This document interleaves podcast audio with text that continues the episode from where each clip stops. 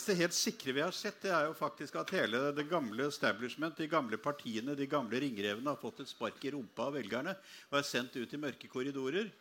Og vi har altså fått to kandidater som jo ikke ligner på noen ting vi har sett før. på en måte. Altså, du, ja, du vet litt. Spørsmålet er ikke stilt ennå. Du skal få svare på det når det kommer. Ja.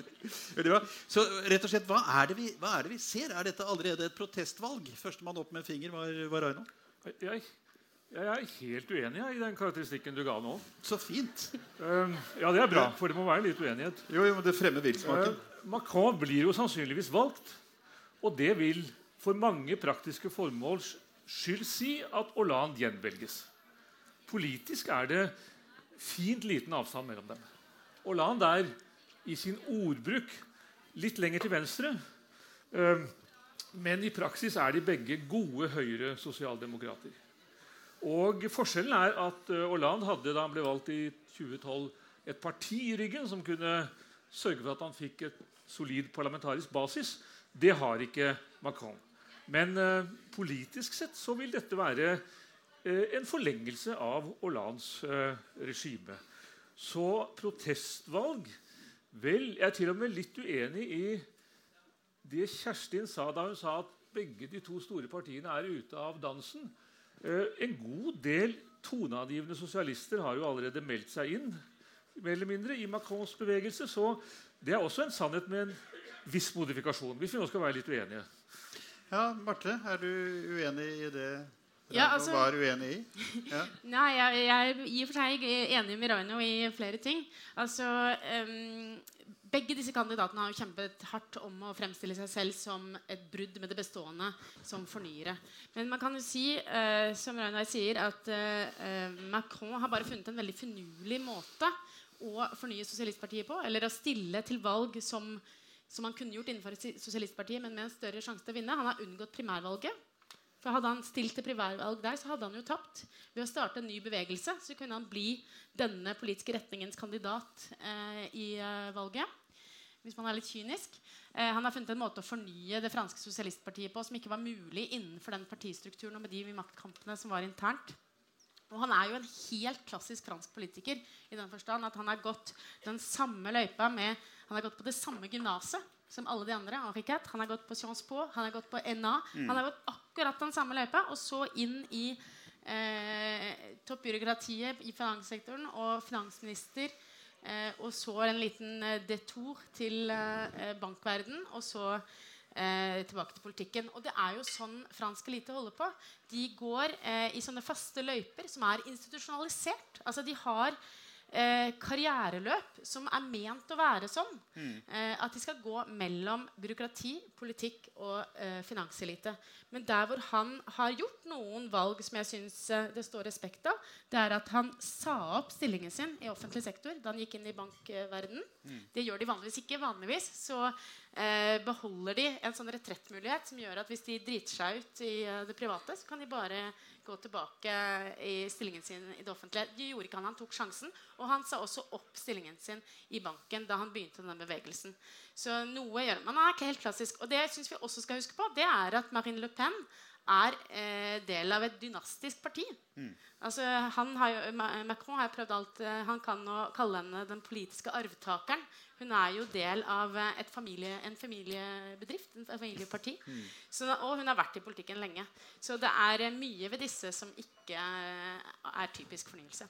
Men, ja, Frank, med noe om dette? Ja.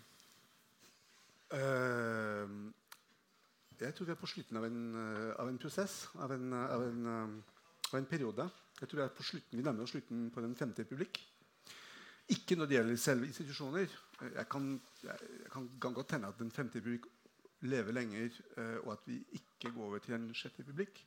Men hvis man ser på de politiske kreftene som er til stede, så er vi det. Vi er egentlig ikke inne i noe nytt. Vi er tilbake 80 år i, i, i, i fortiden. Vi er tilbake til en fjerde republikk. Vi er tilbake til en fjerde republikk hvor sentrums ha, Partiet som dominerte under den femte republikk, het MRP. Uh, eh, og det var, sentrum, det var, et sentrumsparti. Det var det partiet som fikk Frankrike inn i Nato. Det var det, det partiet som fikk Frankrike inn på det europeiske sporet. Uh, det var det partiet som bygde opp Frankrike etter krigen. Men det partiet, som var et sentrumsmoderat parti, slet veldig med to sterke opposisjonskrefter, uh, eller partier. Det ene var kommunister. Det andre var gaullister. Og i den perioden så slet også den, altså lederne i den fjerde republikk med å, å, på en måte få en løsning på avkoloniseringskrigene. Det var det som tok knekken på, på den fjerde republikk.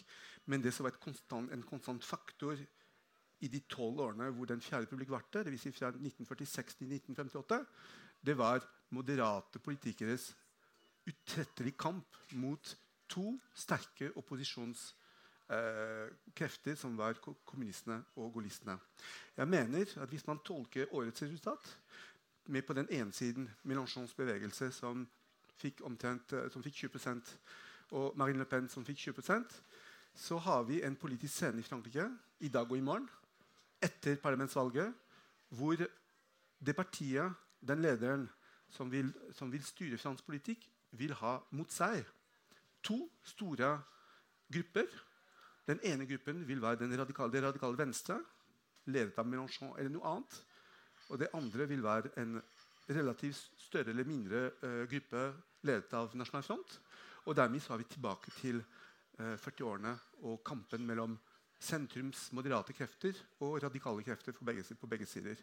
Og vi vet, uh, for de som er interessert i historie, hvis dere leser historien om Den fjerde republikk, så var, så var, så var den opposisjonen mellom radikale krefter og moderate krefter var jo det som undergravde den kjære, publik, den kjære republikks effektivitet og, og, og, og, troverdighet på sikt. Hvis du, hvis du, har rett i dette, så, så da, si, vil det være en slags avklaring? Vil man ha ryddet opp i de politiske begrepene og få enklere motsetningsforhold? ja, altså Vi tar for gitt at, at Frankrike lever under en femte republikk, og at det skal være blokkpolitikk med, med, med, med, en sterk venstre og et sterkt høyre, og dette, at dette skal være evig. Nei, altså dette har jo vært i, uh, siden 1958. Men før det så, så det så har et annet system med andre krefter dominert i fransk politikk. Mm. Så, så uh, det er ikke utenkelig at vi går tilbake til noe annet enn en det, det, som er over. Det er den sterke blokkdelingen som man hadde under Den femte republikk, og som ble skapt nettopp for å holde de radikale kreftene unna makten. Det, med, med stor suksess må det, må det sies. Men Hvis vi skal holde oss til dette som dere sier nå, med at det egentlig ikke er noe særlig nytt ved dette valget, så, så kan man jo nærmest få inntrykk av at Macron er en slags trojansk hest som har sopet med seg hele bøtteballetten fra Sosialistpartiet og kjører frem under et annet flagg. Eh, altså, Francois Hollandes presidentskap har for å si det ytterst forsiktig ikke vært særlig vellykket. Han har ikke fått til en skitt av noe av det han gikk ut i, i 2012 for å prøve å få til. I hvert fall ikke mye. Det er jo litt av problemet. Er det noen grunn til å tro at Macron skal lykkes bedre med denne taktikken med de samme politiske visjonene og de samme kreftene? Ja. Én ting er jo nytt, og det er, eller kan bli nytt, og det er at Marine Le Pen at Nasjonal Front har en velgerreserve. Altså at de kan mobilisere flere stemmer i andre omgang enn i første omgang. Det har tidligere aldri skjedd. Partiet har enten blitt stående på stedet hvil Uansett om de har gjort det godt som bare det i første omgang. 25% var det vel omtrent i regionvalget. 25% i første, 25% i andre. Noen ganger har det gått tilbake. Men hvis hun kommer i nærheten av 40% så er det oppsiktsvekkende. Og da er det en aldri så liten historisk hendelse. Det betyr også at uh, utsiktene til valget i nasjonalforsamlingen er langt mer usikre enn de ellers ville vært. Så der er det en viktig forskjell. Når det gjelder Macron og hvor, altså, om han vil lykkes Vel, noe fikk jo Hollande gjort? Han, eh, han fikk gjennom en ekteskapslov mot uh, kraftig motstand fra konservativt hold. Kan si at Det er ikke det Frankrike først og fremst trengte, kanskje, men han fikk altså den gjennom. uh, og for mange er jo dette viktig. Uh, han kom veldig skjevt ut. Altså, noe av det første han gjorde, var å utnevne en statsråd som skulle rydde opp i økonomiske saker og ting, som viste seg å ha en sånn privat bankkonto i Sveits. Mm. Det var en veldig uheldig start. og så kom denne damehistorien som eh, ikke politisk sett har noe som helst substans i seg, men som bidro liksom til å eh, svekke hans autoritet ganske kraftig. Fordi han kjørte moped til henne? Ja, i det hele tatt hadde ja. ikke sant, en elskerinne i LDC-palasset og en jeg vet, jeg husker ikke hvor det var. Altså, det, ble, det, det, var en uheldig start. Og det var mye annet som småtteri. Han kom aldri i gang med det prosjektet han hadde øh, vunnet valget på, som egentlig ikke var noe så dårlig prosjekt. Altså, han skulle jo reforhandle en del EU-avtaler. Det ble ingenting av. Han skulle få mer styring med økonomien. Det ble det heller ikke noe særlig av. Nei, altså Macrons utfordring er å få dette til. Så hvis han gjør samme, de samme feilene, altså fomler av gårde og gjør litt her og litt der og provoserer fagbevegelser, og alt dette her, så kan det gå veldig galt. Og da er det klart at da vil jo utsiktene til neste valg være desto dyttere. Fordi Nasjonal Front oppnår nå det som Nasjonal Front alltid har greid, nemlig å være i opposisjon, aldri ha ansvar for noe som helst, aldri ha noe som helst fallhøyde, men hele tiden kunne kritisere og si så. Så hadde de bare gjort som vi sier, så ville alle problemene vært løst. Hadde vi hatt 10 000 færre familiegjenforeninger, så ville Frankrikes økonomi stå på fote osv. Ikke et vettugt menneske tror på det der. Ja, det, det, er sånn men politikere sier det der. Ja. Den propagandaen har merkelig nok veldig stort grep på folk i Frankrike. Ja. Og det kan vi oppnå igjen. altså. Og med en enda større gruppe, en stor gruppe i nasjonalforsamlingen hamre løs på regjeringen uh, helt uten risiko for å bli avslørt. Og det er ganske skummelt. Marte først, så Frank. Ja, altså, um, Mye av det som uh, Hollande mislykkes veldig med, var nettopp det der med å ha en autoritet og gi et uh, inntrykk av at han var presidentaktig. Han gikk jo til valg på det å være normal president, en presidence normal, en president normal. Eh, I kontrast til Sarkozy, fordi mm. han hadde jo vært en president bling-bling. som de sa, En jappepresident. Eh, veldig utypisk fransk, med mm. store klokker og helt uintellektuell. Og, og, og, liksom brøt med alle vanlige standarder. Og så skulle eh, Hollande være en president som på en måte minner mer om den norske tradisjonen for politikere. da, At du skal være som mannen i gata. Og det er ikke det eh, franskmenn forventer av en president. Mm. Så det mislykkes han jo veldig med. Og der kan du jo si at eh, det der med damehistorien som har bidratt litt til å gjøre han liksom mer ordinær. Og det var ikke så veldig heldig. Eh, men så kommer det til det med hva er det han har gjennomført.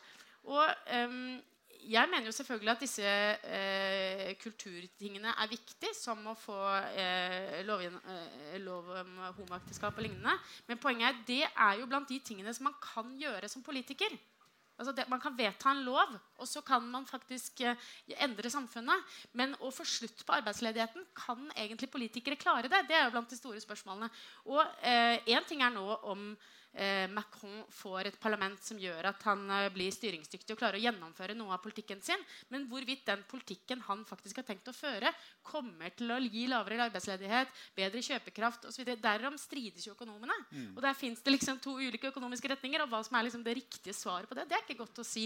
Og det er det skumle ved at eh, vanlige folk eh, mister troen på at politikken overhodet kan gjøre noe. Eh, og det er jo det eh, både Marine Le Pen og Mélenchon vant på dette valget. Det at de eh, gikk ut og sa at politikken må ville noe. Politikken skal ikke underkaste seg. altså det med soumettre, eh, Om det er EU eller finansverden eller ekspertene eller hvem det er. Sånn, hver gang Marine Le Pen liksom uh, får i trynet at ja, men den økonomiske politikken den, den holder ikke mål, så uh, bekrefter jo det mm. bare den ideen om at liksom, nei, men politikken kan ikke gjøre noe forskjell. Og det tror jeg folk er lei av. Og da er det bare synd at det er først og fremst det virkelig fremmedfiendtlige partiet som er det eneste som virkelig overbeviser om at politikken kan gjøre noe. Så der håper jeg andre politiske retninger tar tak i det. Det er jo populismens karakter, kanskje. At de griper fatt i misnøyen og artikulerer den, og folk føler at de blir forstått på en måte som ja. Frank? Jeg husker, jeg tenker på den, eh, det berømte sitatet fra Mitterrand. At Nasjonal Front stiller rette spørsmål, men gir alltid gærne svar.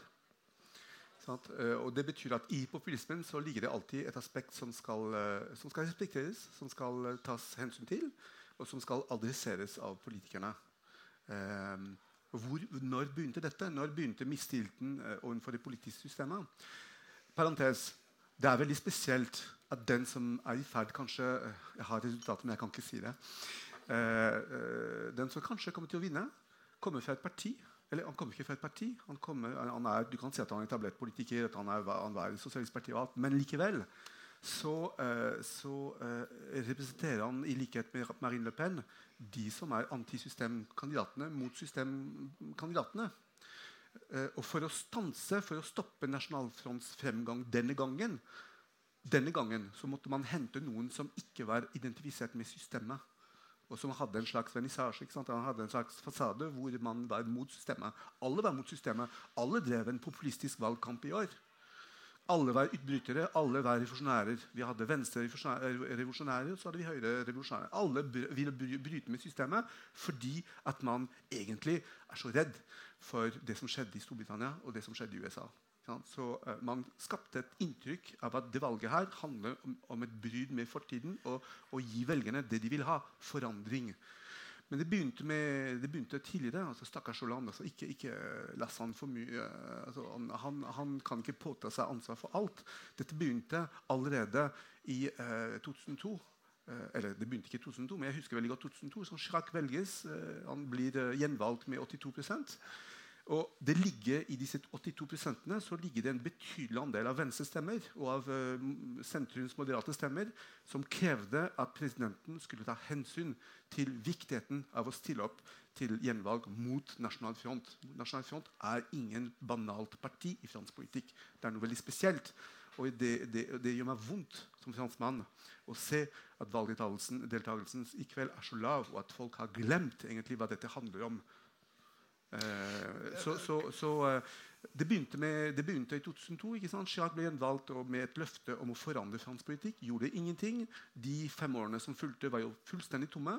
Du fikk en, eh, du fikk en folkeavstemning uh, mot eller for uh, grunnlovstraktaten i EU hvor folket sa nei. ikke sant? og Det ble ikke tatt hensyn til det. så Man kjørte en, ny utgave av, av, av, den, av den traktaten. Eh, og så kom Sarkozy, og Sarkozy eh, oppfylte så ikke løftene og gjorde det franske presidenter gjør veldig ofte. Han lovte altfor mye. Og så kom, eh, og så kom Hollande og skulle rette på det Sarkozy hadde gjort og ikke gjort. Og, løfte, og, og lovet veldig mye. Blant annet det viktigste er kjernen i all dette det er kampen mot arbeidsledigheten mm. og den manglende vekst i fransk økonomi over lang tid. Og det ble ikke gjort. Når du sier Det for, altså, det er litt forbauset over at dere ikke har lagt større vekt på den økonomiske nedgangsperioden som inntraff i Europa, spesielt fra 2010, og som har skapt en dyp usikkerhet med hensyn til fremtiden hos en masse arbeidsledige. Og Lands store visjon var jo å prøve å gjenreise en del klassiske arbeidsplasser. Det var komplett umulig, fordi eh, globaliseringen hadde ført det helt ut på siden. ikke sant? Så spørsmålet blir jo å finne andre måter å gjenreise tilliten til fremtiden og de politiske systemene på. vil jeg tro. Og Det er der forskjellen på, på disse måtene å tilnærme seg på hele på. Uh, Reino, du ber om ordet. Altså, la oss ikke tegne et altfor mørkt bilde. Fatt i det siste du sa. Det var jo faktisk en presidentkandidat som stilte de vanskelige spørsmålene uh, når det gjelder muligheten for å få til full sysselsetting, og, og det var Benoit Amon. Mm. Som hadde tanker rundt problemet med sysselsetting og Kort fortalt var jo tanken den at dette er et kronisk problem. Det kommer ikke til å gå over. Vi må finne andre veier enn arbeid, arbeid til alle. Og det å stille radikale spørsmål og gå ut med såpass uh, uh, avvikende standpunkter det førte altså til 6,5% oppslutning. Det det. Og det er jo ganske dystert altså, når man hele tiden hører at sosialdemokratiet svikter. Sosialistene har ikke alternativer. Da kommer det en mann som har et alternativ. Men legg merke til en ting til. Nominasjonsvalgene var egentlig for begge partiene, både republikanerne og sosialistene, ganske vellykkede affærer. Det var eh, skikkelige politiske debatter, det var klare standpunkter, det var saklig argumentasjon. De hadde fjernsynsdebatter som i veldig liten grad dreide seg om å kaste skitt på motpartene, men der de diskuterte sak. Eh, oppslutningen om animasjonsvalgene var ganske god også. Så kan vi si at Ulykken var jo for republikanerne at de da valgte en kandidat som viste seg å ha fryktelig mange lik i skapet, som ramlet ut det ene eller det andre, og så greide han ikke å håndtere situasjonen i det hele tatt, og så skjønte han ikke å trekke seg. Det var veldig galt. Sosialistene valgte en kandidat som ikke hadde den uh, altså, Så å si ikke var uh, han var ikke eslet til å bli president. kanskje. Og pluss at de selvfølgelig hadde en arv. altså Det var veldig mye misnøye med Sosialistpartiet. Men var, disse nominasjonsprosessene var det som enkelte av mine kolleger liksom liker å omtale som eh, politisk deliberasjon. altså Dette var ikke bare politikk som gikk ut på å vinne posisjoner ved hjelp av alle slags midler. Dette var ordentlig politisk debatt på begge partier, for begge partiers vedkommende. Og det er jo også i og for seg hyggelig å, å, ta med seg. Jo, morsomt i og for seg, men altså, Poenget er jo at Amon, som da sier at han er den ene av de kandidatene som har løsninger på de mest presserende problemene, blir altså overhodet ikke Vel, altså, uh, Han vekker ikke troverdighet. Det han sa, var det er ingen enkle løsninger. Nei, og, så ville... og, og, så kunne man jo ønske seg da en politisk offentlighet. Man kan ikke ønske at veldig mange skal eh, liksom, lytte til det der og finne at her har vi en politiker som vi bør slippe til fordi han tenker Men litt flere enn 6,5% Og det er litt synd at mange sosialister da lot seg forlede av Mélenchon, som jo er en fabelaktig retoriker, og som er på mange måter en fargerik og spennende politiker, men som, poli men som umulig kan styre et land. De kan jo ikke slippe den mannen til som president. Selv, men at han skal være der, at man skal stemme på han såpass mye at han kan fortsatt leve med og, og virke i fransk politikk, det er riktig.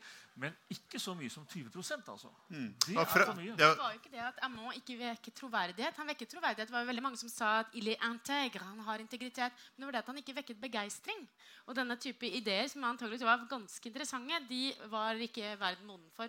Og det jeg syns har vært synd jeg er, ikke, jeg er, ikke, så sikker på om Den femte republikk faller. jeg vet ikke, Men derimot så syns jeg parti, partiene som organisasjonsform eh, er kraftig svekket. På en måte kan man si at For Høyrepartiet så er det jo ikke partiet som sådan. Der var det jo mer et personlig nederlag for Fion. Men likevel, da, det begge partiene mislykkes med, det var å koble denne gode politiske debatten, denne fornuftige debatten om sak, med det å velge en kandidat som kunne vekke begeistring. Og man har på en måte kanskje undervurdert da, betydningen av liksom, affekt karisma osv. Mm. i Frankrike. Og det som eh, Frankrike har på en helt annen måte enn Norge, er jo liksom denne eh, tradisjonen, denne gaullistiske tradisjonen da, for at, at, man skal ha et direkte bånd som Kjerstin snakket om i sted, mellom presidenten og folket. denne plebisitære tradisjonen. Og de har egentlig mye større toleranse for liksom, det der med å velge en stor mann. Mm. Eh, sånn at eh, nå i, i, siste runde i valgkampen nå, så har det jo vært liksom, på den ene siden det med kandidatene skal overbevise om at de er fornyere, men de skal også overbevise om at de er presidensiable. Mm. Eh, at du er presidentaktig. Og det er veldig viktig, og det slår jo åpenbart inn. altså Det er mye sånn eh, frykt for økonomien til Marine Le Pen og sånt som slår inn, men også det at hun er ikke presidensiable. Og det, eh, det, er det jeg tenker at partiene har sviktet på. Da. Det er å koble en fornuftig, saklig politisk debatt, eh, partidemokrati, organisasjonsform, med det å vekke en kandidat som klarer å bevege folkemassene nok til at den ender på toppen. Frank? Jo, uh, i, um, uh, i, i, i, noen artikler som er skrevet, så har jeg brukt ordet radikalisering. Som brukes gjerne i en annen sammenheng. Sant? Men jeg mener at i motsetning kanskje til, til du, altså du snakker om at det har vært en anstendig valgkamp. og alt, Jeg, jeg, jeg mener at det har vært en valgkamp som, som, som stinket. Fordi at hvis man tegner et kart over kandidatene, og det gjorde jeg for mine studenter, øh, tegna øh, øh, hvor de befant seg i den doble aksen. Venstre-høyre-aksen, som ikke er borte. Fortsatt. Men også den andre aksen, som er åpent lukket. altså Åpen for globalisering, EU, multikulturalisme og alt. Hvis man plasserte kandidatene, så så man veldig fort at det fantes en bolk med fire kandidater på venstresiden, en bolk med fire kandidater på høyresiden. To av dem var ubetydelige på høyresiden, to av dem var ubetydelige for, for venstresiden. Men den, den store, det, det, som var helt uh, iøynefallende, var jo at i midten var det helt fritt. Altså, veien var fri for kandidater som kunne, som kunne symbolisere midten. Hvis man ser på valgkartet i 2012 og i 2007, og da var det også forsøk fra en kandidat fra sentrum om å skaffe seg en plass og og Den kandidaten het François Berraud. Og François Berraud han ville ha en tysk modell. Han ville ha en stor koalisjonsregjering. og sa at Tiden for de gamle tablettpartiene er over. De må hente de beste elementene fra begge sider, sette dem sammen i en koalisjonsregjering og, og, og, og lage god politikk.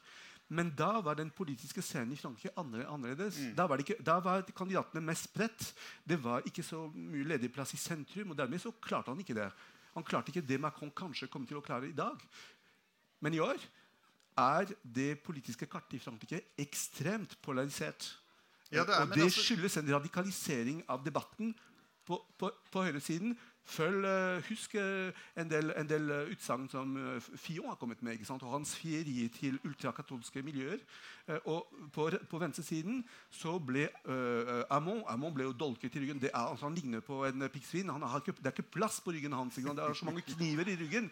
Så han blir, han blir, han blir, han blir drept av sine egne i, i, i Sosialistpartiet så stakkars han, han gjorde det han kunne. men det var tapt for, på forhånd, Men han ble utkonkurrert av en som var enda mer radikal enn han. og som var Melanchon. en bedre Melanchon, Mélenchon. Ja. Så radikalisering på, på venstresiden, radikalisering på høyresiden og banefri i midten.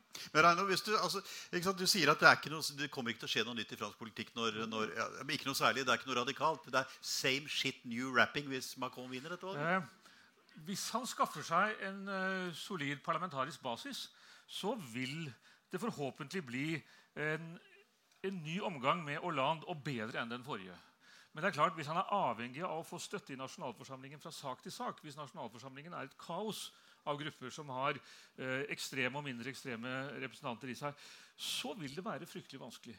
Det, det, det, altså, høyrepartiet, det store høyrepartiet, eller Republikan, er jo et parti som har et enormt ideologisk spenn.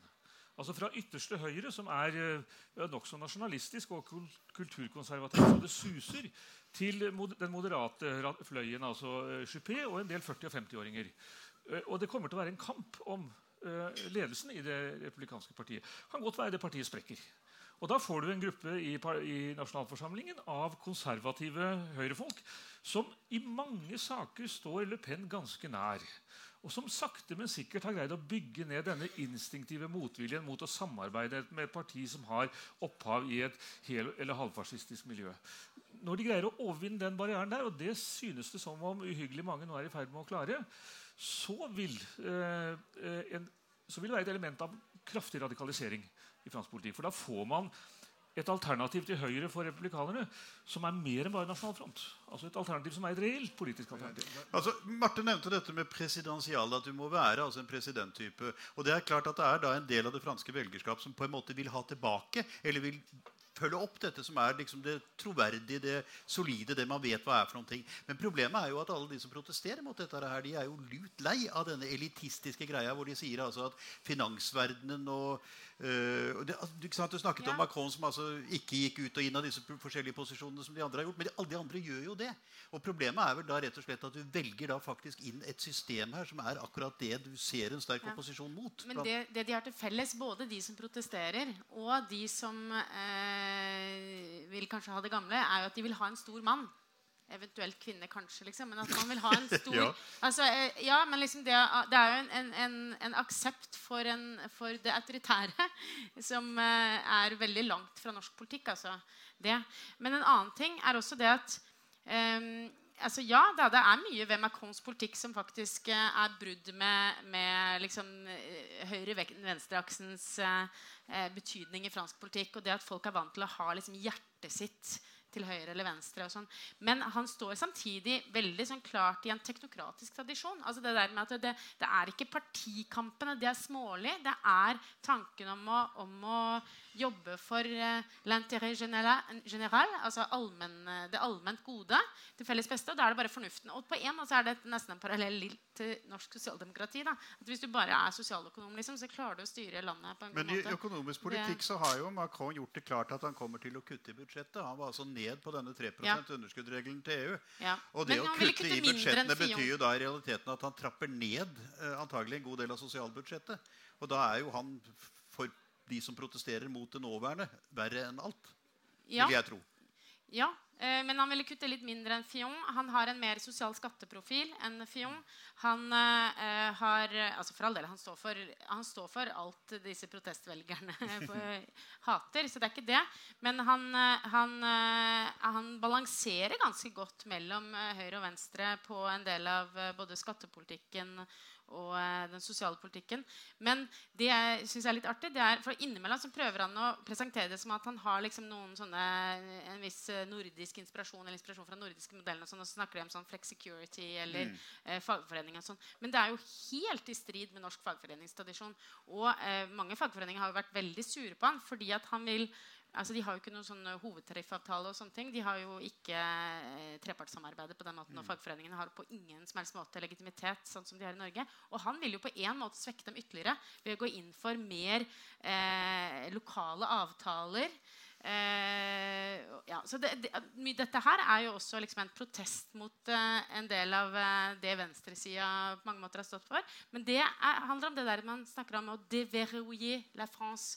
Å déverrouiller l'économie française. Altså løse opp, eh, bryte ned de byråkratiske bindingene og de politiske liksom, loddene som mm. ligger over fransk politikk. Så der klarer han liksom å snakke til mange. Og dette er vel en del av en fornyelse som Sarkozy bidro til også eh, på høyresida, men som han da eh, tar fra venstresida. Det er litt sånn Ole Brumm-kandidat, dette her. Frank? Jo, jeg vil gjerne komme tilbake til to ting. Den ene er jo igjen, igjen sammenligning med, med 50-årene. I 50-årene, så, så, og da snakker vi om sikkerhetspolitikk, så foreslår franskmenn en, en, en et, et etablering av et, europeisk, et felles et, europeisk forsvar. ikke sant? Prosjektet er fransk. Prosjektet fremmes av Frankrike. Hvem er de som torpederer prosjektet? Det er kommunister og det er gaullister. Uh, se på programmet til Marine Le Pen når det gjelder EU i dag, når det gjelder sikkerhetspolitikk, når det gjelder alliansepolitikk, bort fra integrert struktur i Nato, over til en allianse med Russland og alt. Vi er litt tilbake i, i, i, i det, det, oppsettet her. ikke sant? Uh, og For meg så betyr det at igjen, det betyr at disse to politikerne, både Macron og Le Pen, de har noe felles. De har skjønt at den tradisjonelle uh, kampen om, mellom venstre- og høyreaksen er ute. Uh, den, har fått, den, er mindre betydningsfull enn den har vært. Og Hvis vi ser på europeisk politikk og det som skjer i andre land, så ser vi en lignende utvikling. Og jeg synes Det blir veldig spennende å følge med på, på, på eh, valget i Tyskland til høsten. Ja. For vi er i ferd med å få et tysk valg i Frankrike Dvs. Si kanskje en kandidat som vinner, og som, som, legger opp noe til en stor koalisjonsregjering à la tysk. Og så I Tyskland så får vi tilbake den gamle modellen med en, med, med en kamp mellom venstresiden og høyresiden. Så en, en fransisering av valgkampen i Tyskland. En germanisering av, den, av valgkampen i Frankrike.